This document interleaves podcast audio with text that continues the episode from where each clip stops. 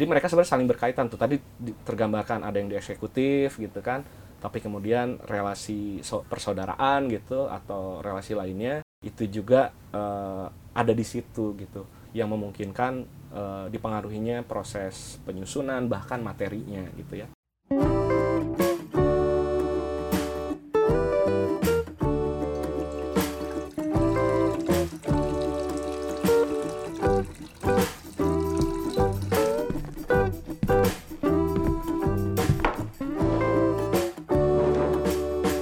Di atas meja podcast by ICW. Oke, uh, assalamualaikum warahmatullahi wabarakatuh. Selamat pagi, siang, sore, malam, kapan pun teman-teman dengerin. Uh, kembali lagi di podcast di atas meja by ICW. Uh, hari ini sama aku Mima dan ditemenin sama Mas Ahmad Asof, ya. direktur program dari Tren Asia. Tren Asia. Ini masih dalam rangkaian podcast yang membahas soal isu energi dan batu bara kita udah ada beberapa episode terkait uh, diseminasi hasil kajian yang berkaitan dengan uh, sektor energi dan batu bara dan kali ini aku akan ngobrolin itu lagi khususnya terkait pembuatan regulasinya hmm. karena Mas Asof adalah salah satu orang yang terlibat dalam hmm. advokasi UU Minerba benar kan? Salah satu okay. orang dari sekian banyak orang, betul. Yep. Uh, UU Minerba adalah salah satu undang-undang yang cukup kontroversial hmm. karena disahkan diam-diam, yeah. cepat, dan keberpihakannya tidak kepada masyarakat. Padahal wakil rakyat dipilih untuk membuat regulasi yang berpihak ke masyarakat. Sebelum itu, pertanyaan pertama seperti biasa, gimana kabarnya? Kabarnya baik, sehat-sehat dan tetap semangat. Thank okay. you Mima. Semoga Mima juga begitu dan kawan-kawan. Betul, uh, teman-teman juga semoga sehat-sehat terus karena um, pandemi belum benar-benar selesai sebetulnya. Oke, okay.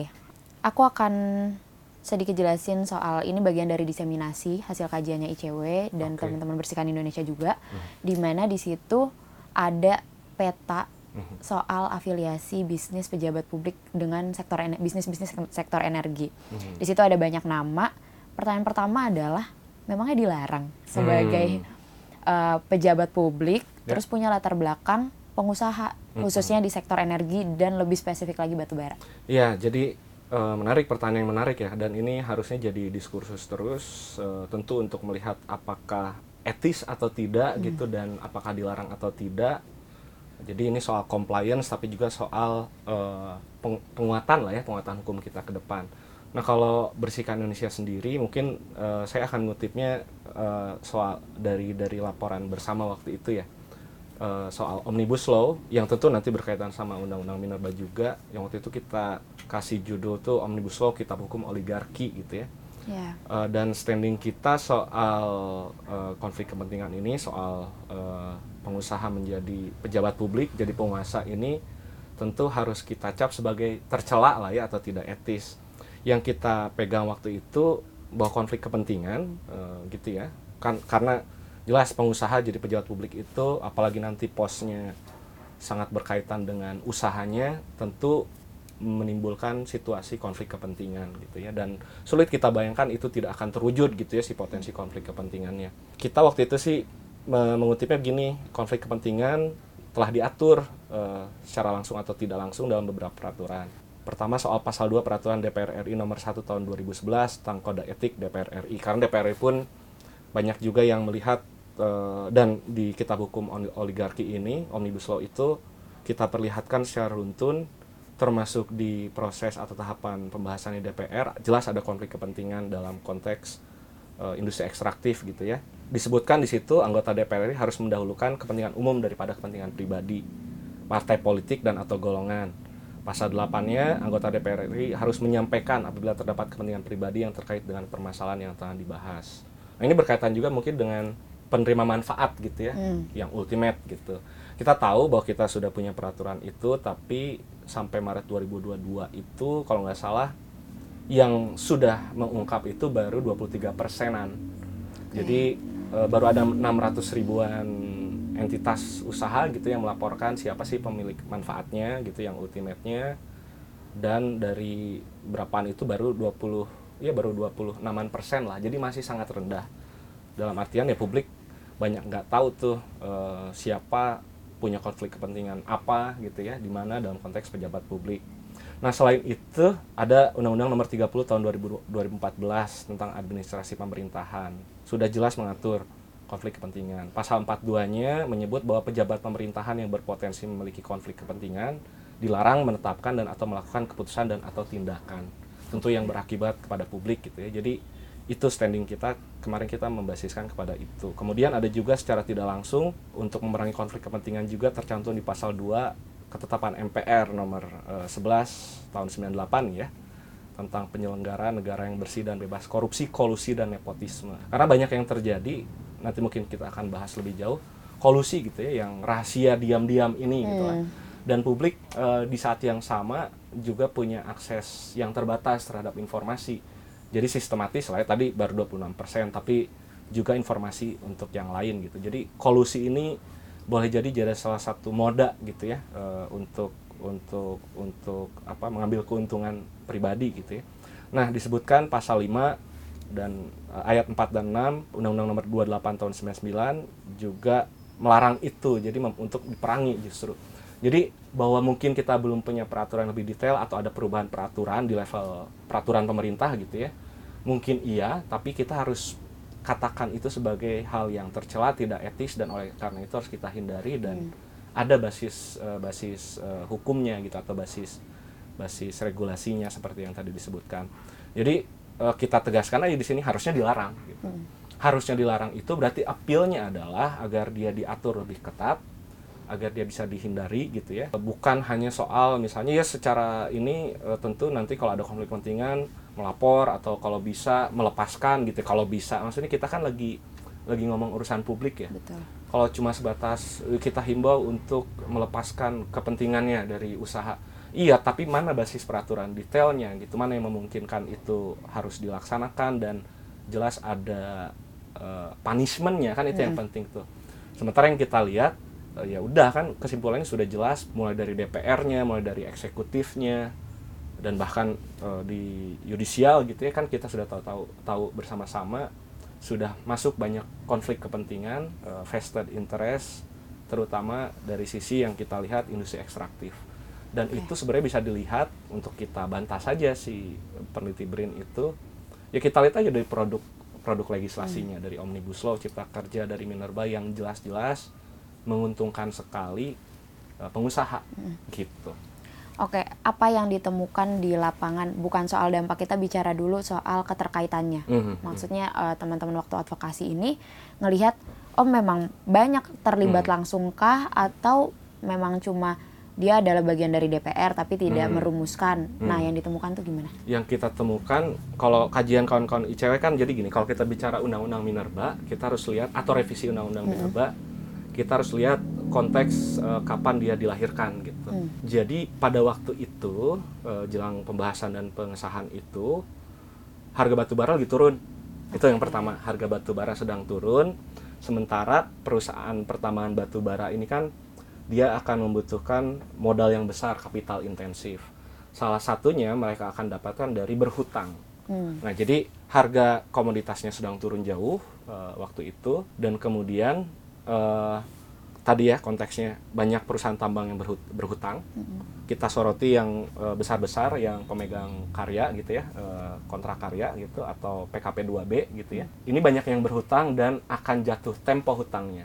Jadi di saat yang sama harga harga barang eh, komoditas yang mereka eh, mainkan itu sedang turun batu baranya di saat yang sama mereka harus bayar utang. Selain itu ada juga konteksnya beberapa dari mereka eh, izinnya tuh akan habis dan harus diperbaharui gitu ya. Nah eh, dalam konteks refinancing atau mereka bernegosiasi untuk benahi hutangnya yang besar itu mereka akan butuh beberapa hal. Yang pertama pemasukan gitu kan pemasukan yang gede lah tapi di saat yang sama harganya sedang turun. Berikutnya kepastian soal perpanjangannya itu eh, mereka harus dapatkan.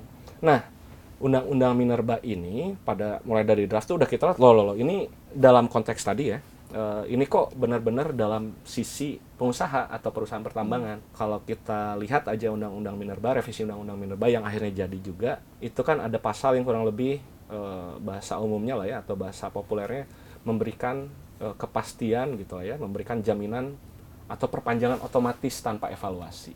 Dan ada yang menik- ada yang menikmati itu dan kemudian nanti berjajar akan akan ada banyak perusahaan pertambangan yang lain yang eh, boleh jadi akan memanfaatkan fasilitas tersebut. Jadi dalam konteks dia dilahirkan sudah jelas dia berusaha secure pertama kepastian eh, berusahanya gitu ya perizinan per- perpanjangannya. Yang kedua tadi eh, dia coba mengamankan perusahaan pertambangan juga di saat harganya turun gitu. Oke. Jadi dia akan akan berusaha akan mendapat kepastian dan itu akan jadi salah satu apa ya argumen utama mereka eh, restrukturisasi dong hutang gue. Ini gue udah dapat izinnya, tenang ada undang-undang yang memastikan gue akan dapat perpanjangan izin gitu dan berbagai insentif lainnya. Kurang lebih begitu. Jadi sulit buat kita katakan ini nggak ada konflik kepentingannya. Itu yang paling pertama. Yang kedua juga dan ya itu tadi lah kalau kita bedah satu-satu misalnya ya. Dan kawan-kawan ICW juga kan udah udah waktu itu saya ingat bikin satu kajian dari tuh 2 3 4 5 yang kawan-kawan ICW lihat tuh 5 dan juga kawan-kawan ICW memetakan waktu itu siapa aja sih individu yang terafiliasinya yang mungkin membengkokkan si peraturan itu gitu atau bagaimana aturan itu nanti. Dari sisi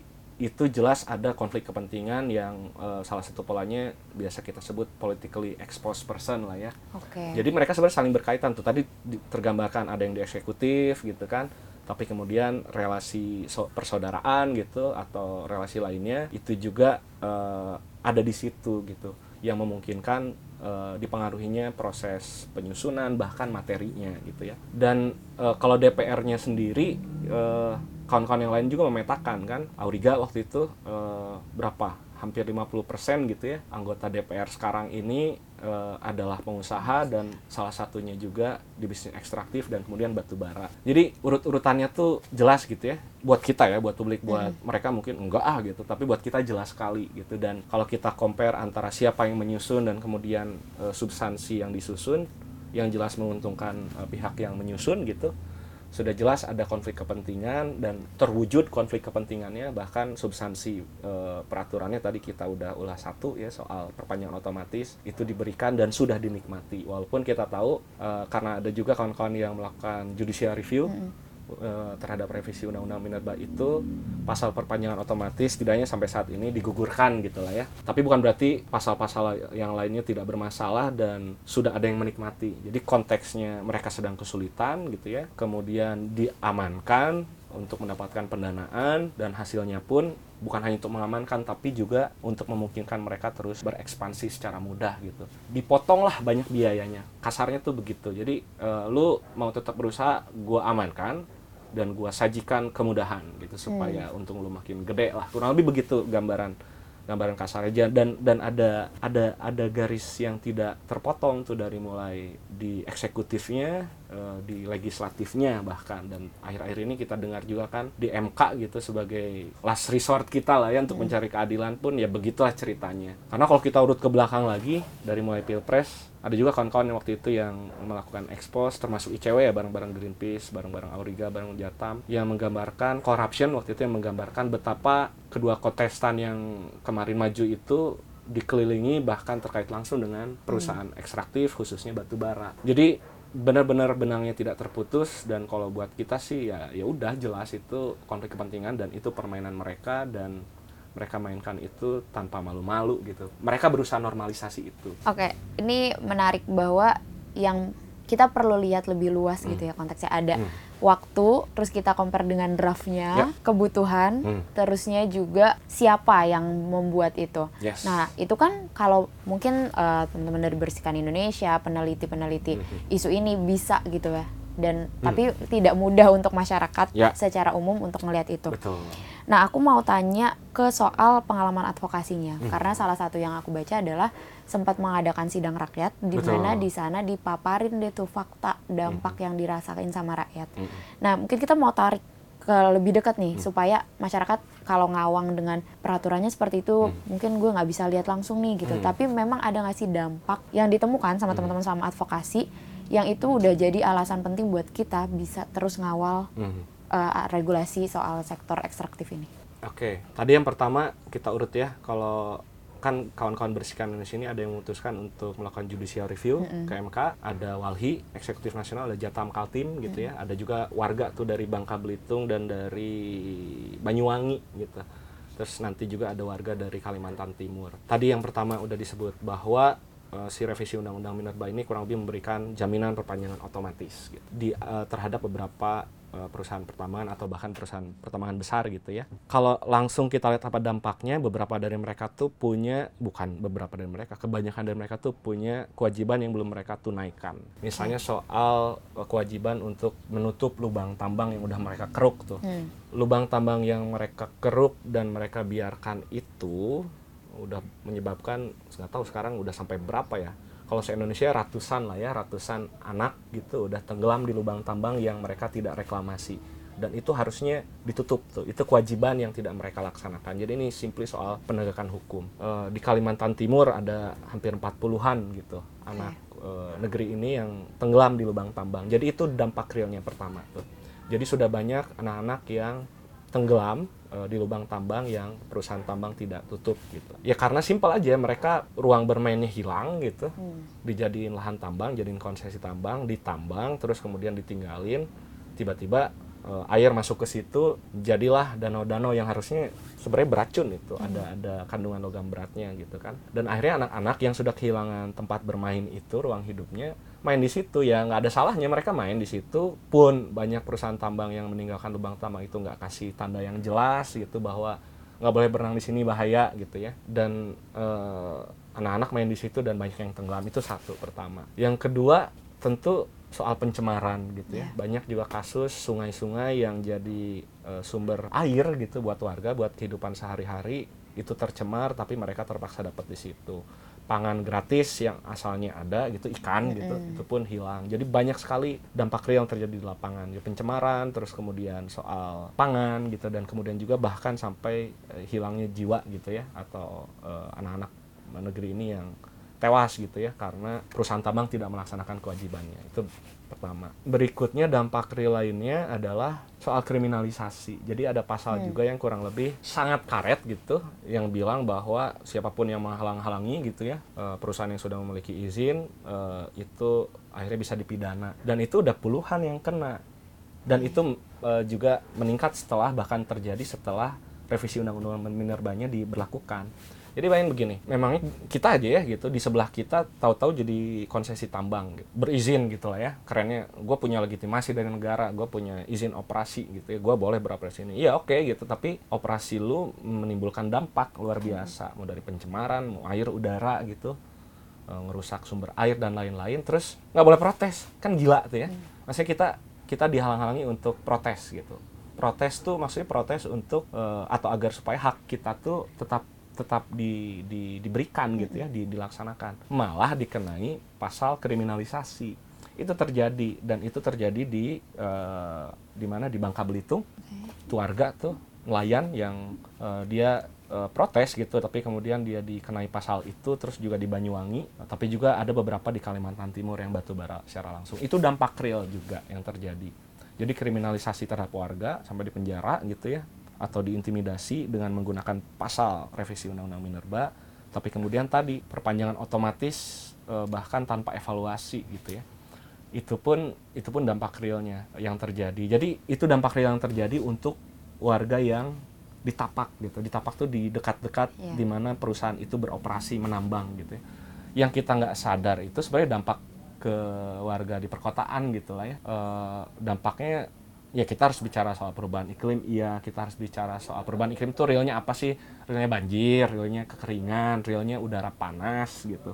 Itu realnya tuh dan itu sedang menimpa kita semua saat ini. Jadi realnya tuh begitu gitu. Diberikan kemudahan tapi kemudian dampak realnya sudah terjadi. Gitu min. Oke, aku mau coba balikin ke soal pasal. Tadi pasal soal perpanjangan otomatis udah ada, pasal kriminalisasi udah ada. Nah, ketika mereka nggak menjalankan kewajiban, misalnya nutup lubang tambang, Mm-mm. terusnya mereka ternyata mencemari air, membuka lahan semena-mena, itu ada juga nggak pasal yang akhirnya dibuat diregulasi yang untuk memudahkan mereka? Seakan-akan lepas aja gitu dari tanggung jawab Iya, justru itu kan yang terjadi justru masyarakatnya dikenai ancaman eh, pidana, perusahaannya dilepasin gitu. Kan jadi jadi itu jadi itu sangat jelasnya tuh bahwa bebannya itu benar-benar dipindahkan ke masyarakat seolah-olah industri ini yang yang rasanya sedunia udah sepakat bahwa industri ini tuh harus ditinggalkan karena man- karena jelas dampak buruknya melebihi jauh eh, manfaatnya gitu ya. Tapi kemudian dia berusaha diamankan sedemikian rupa dan itu terlihat jelas dari dari pasal-pasal di revisi Undang-Undang Minerba. Jadi itu yang terjadi. Kemudian ada lagi dua pasal sebenarnya yang tadi kalau kita balik lagi yang sedang direview gitu ya, dimintakan direview oleh MK. Soal kriminalisasi, soal perpanjangan otomatis, berikutnya tuh soal kurang lebih jaminan gitu ya bahwa si tata ruangnya itu tidak akan diubah jadi kurang lebih begitu.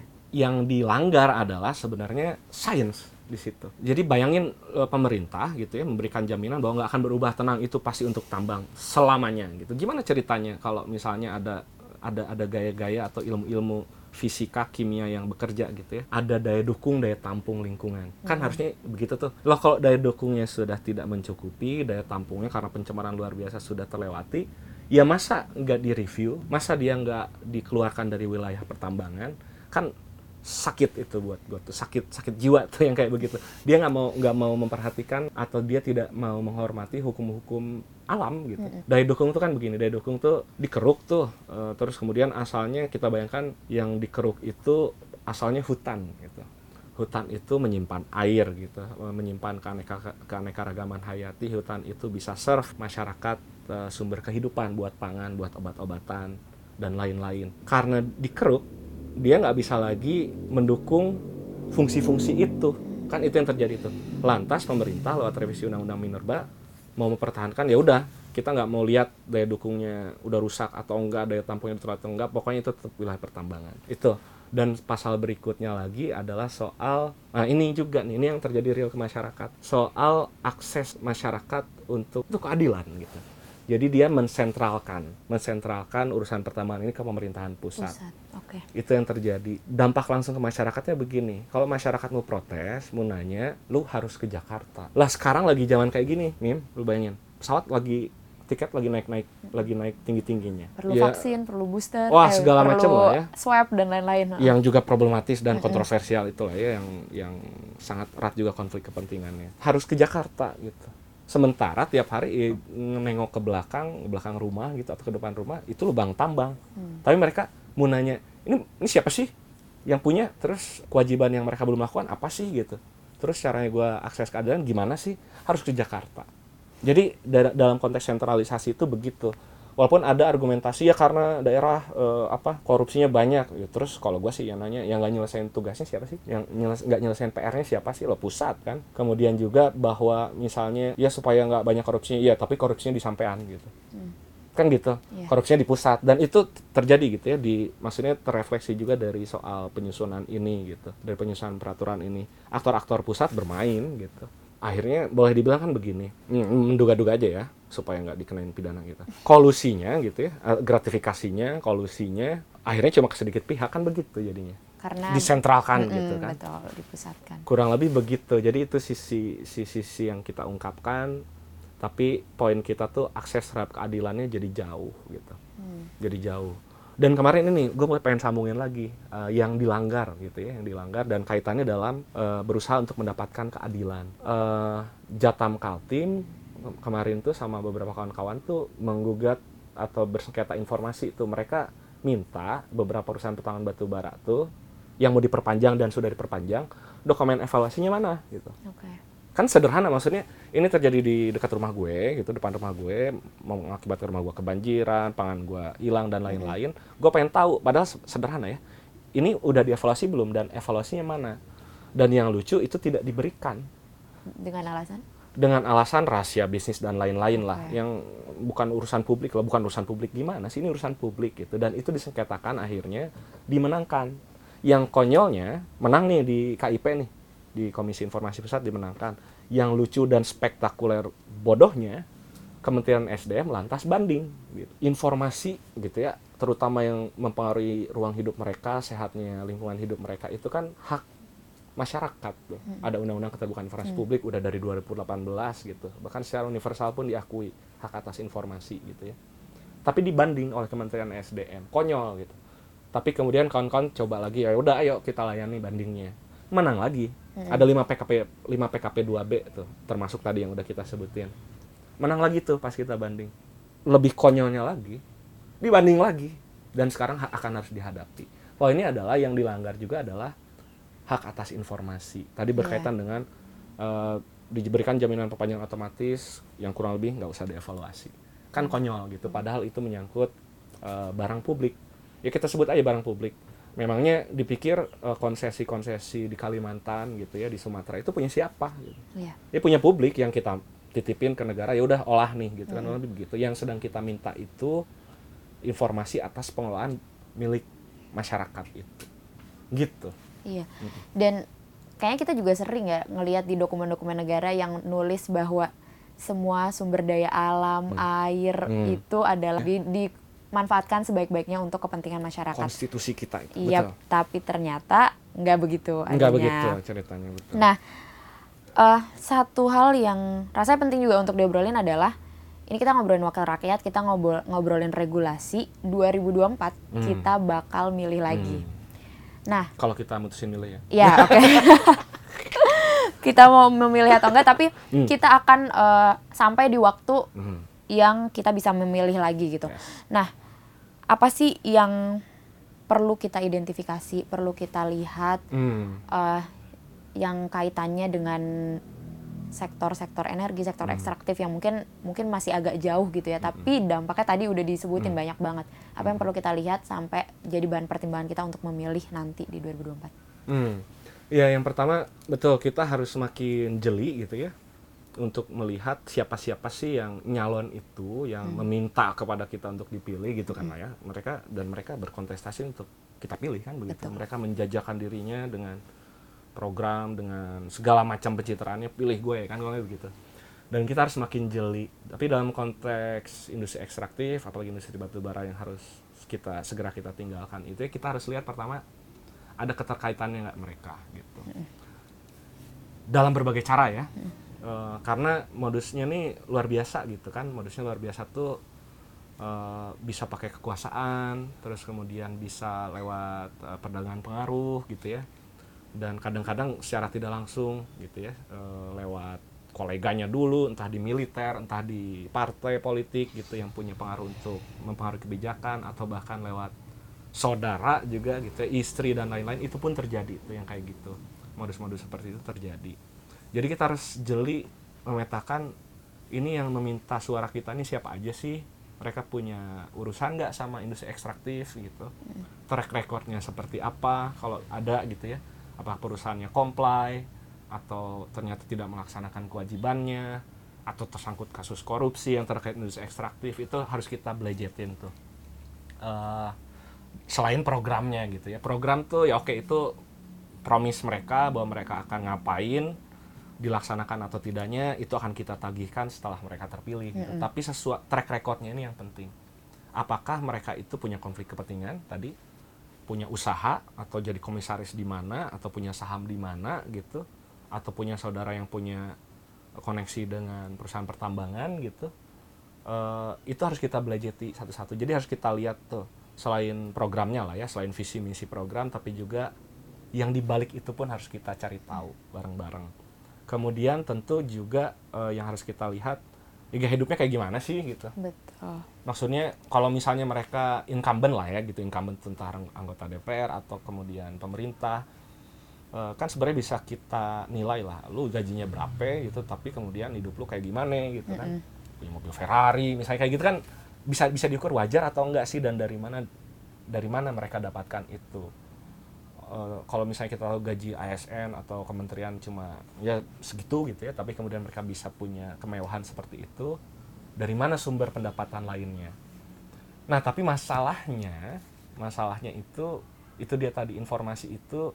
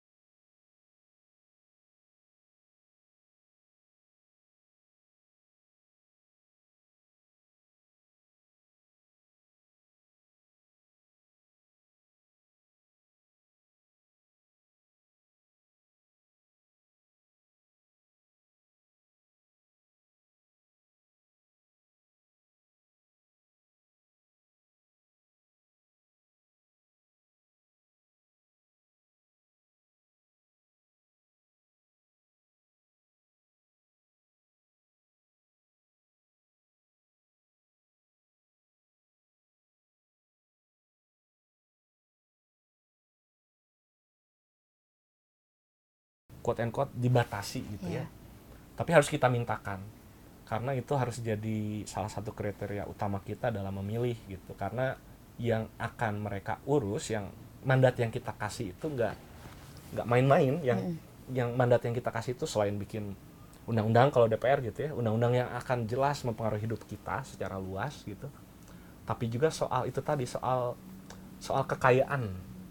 Kekayaan Indonesia gitu ya. Itu kan yang kita mandatkan tuh ya udah kelola nih. Kurang lebih kan begitu nih. Dalam berbagai level ya kewenangan gitu. Tapi kan kurang lebih yang mau kita kasih itu ya udah silakan kita mandatkan untuk sampean urus gitu. Yang bahaya itu kalau salah urus gitu kan. Seperti yang terjadi sekarang.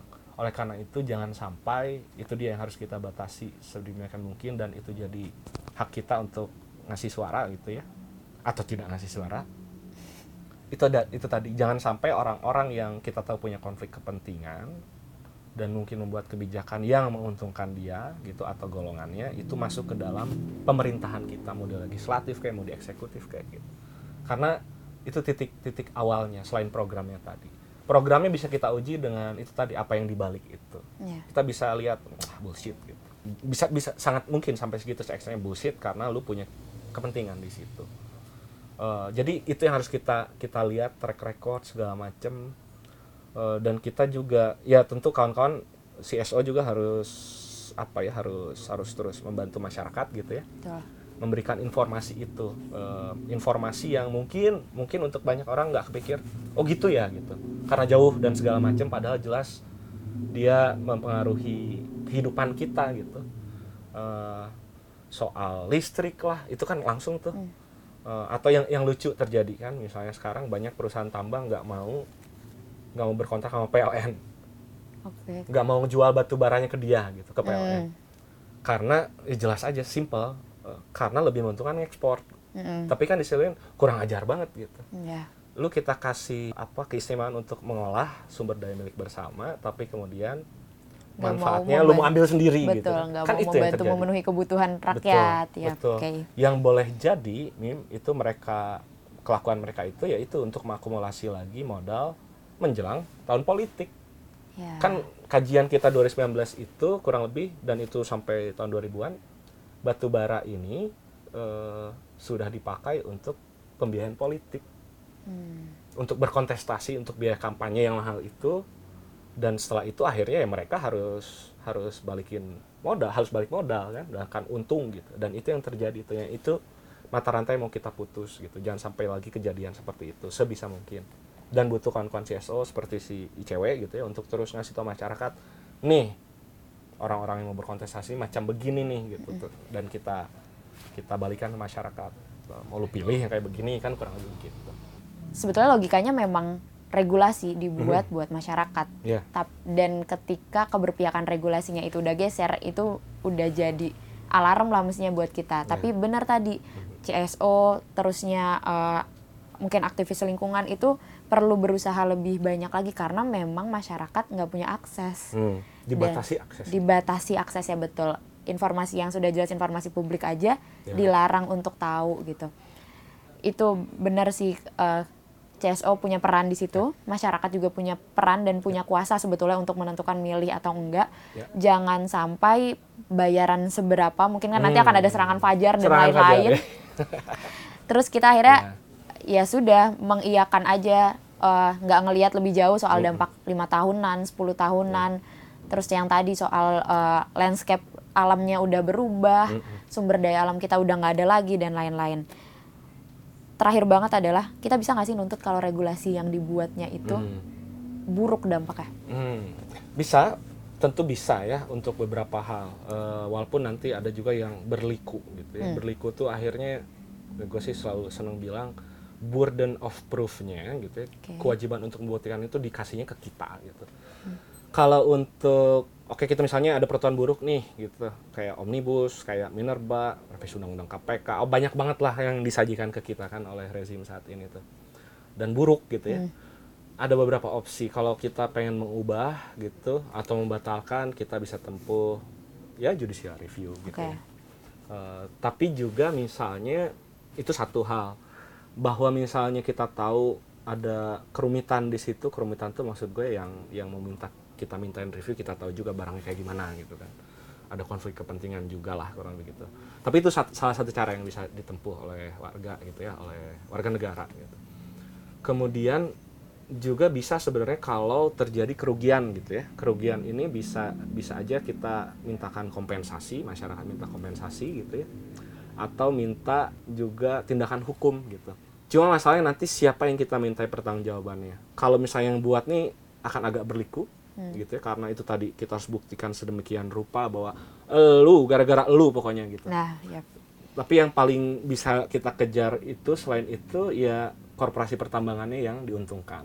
Itu itu satu bisa perbuatan mengaku- melawan hukum bisa atau kemudian juga kompensasi karena kerugian menggunakan pasal-pasal eh, produk legislasi juga bisa. Nah tapi yang menarik betul soal yang membuat ini ini akan agak berliku gitu ya. Akan agak berliku pembuktiannya gitu ya. Eh, bahwa ada basis peraturan yang bisa kita pakai iya gitu. Undang-undang soal administrasi pemerintahan gitu ya. Cuma pertanyaan siapa? Gue juga pusing ini siapa yang harus kita mintain pertanggungjawaban? Yang nyusun atau yang ngesahin? Kalau yang ngesahin Iya. kan Jokowi. Betul. misalnya begitu. Atau DPR semua gitu itu itu ada gitu ya.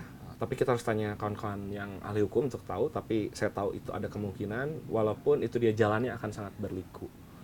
Eh, itu bisa kita tempuh tapi juga kita menurut gue harus kita inget-inget lu yang kemarin bikin peraturan yang nggak jelas itu. Lu berkontribusi gitu. Dan itu bisa ditemukan di library kawan-kawan ICW kawan-kawan Jatam kawan-kawan Auriga kawan-kawan Greenpeace dan kawan-kawan lain lah. Itu ada tuh tinggal gimana kita mendiseminasikan tapi juga masyarakat yang sudah aware juga untuk terus cari info dan menyebarkannya gitu. Oke. Eh, apa basic packnya of informationnya itu udah ada lah gitu. Bahwa dia tidak begitu meluas atau bahkan tidak nge-scan semua iya tapi ada contoh-contoh dan pola-polanya yang harus kita kenali. Jadi memungkinkan Mim eh, entah itu yang akhirnya mendapatkan keuntungan dari undang-undang yang buruk itu memungkinkan untuk dimintai pertanggungjawabannya untuk mengubah atau membatalkan memungkinkan. Juga untuk yang bikin undang-undangnya yang buruk itu juga memungkinkan ada basisnya tapi akan agak berliku. Tapi bukan berarti tidak bisa kita ambil gitu ya atau tidak bisa masyarakat lakukan. Itu dia hanya kausalitasnya yang harus kita jahit tuh. Oke. karena kita akan berurusan dengan yang diam-diam rahasia gitu. Kong kali kong yang banyak di bawah meja di ruang gelap itu yang kita hadapi itu dan eh, harus kita soroti terus gitu Mi. Oke. Iya, em, sudah lengkap rasanya pembahasannya kalau soal regulasi, yaitu kita perlu lihat lebih jauh, kita perlu perhatikan.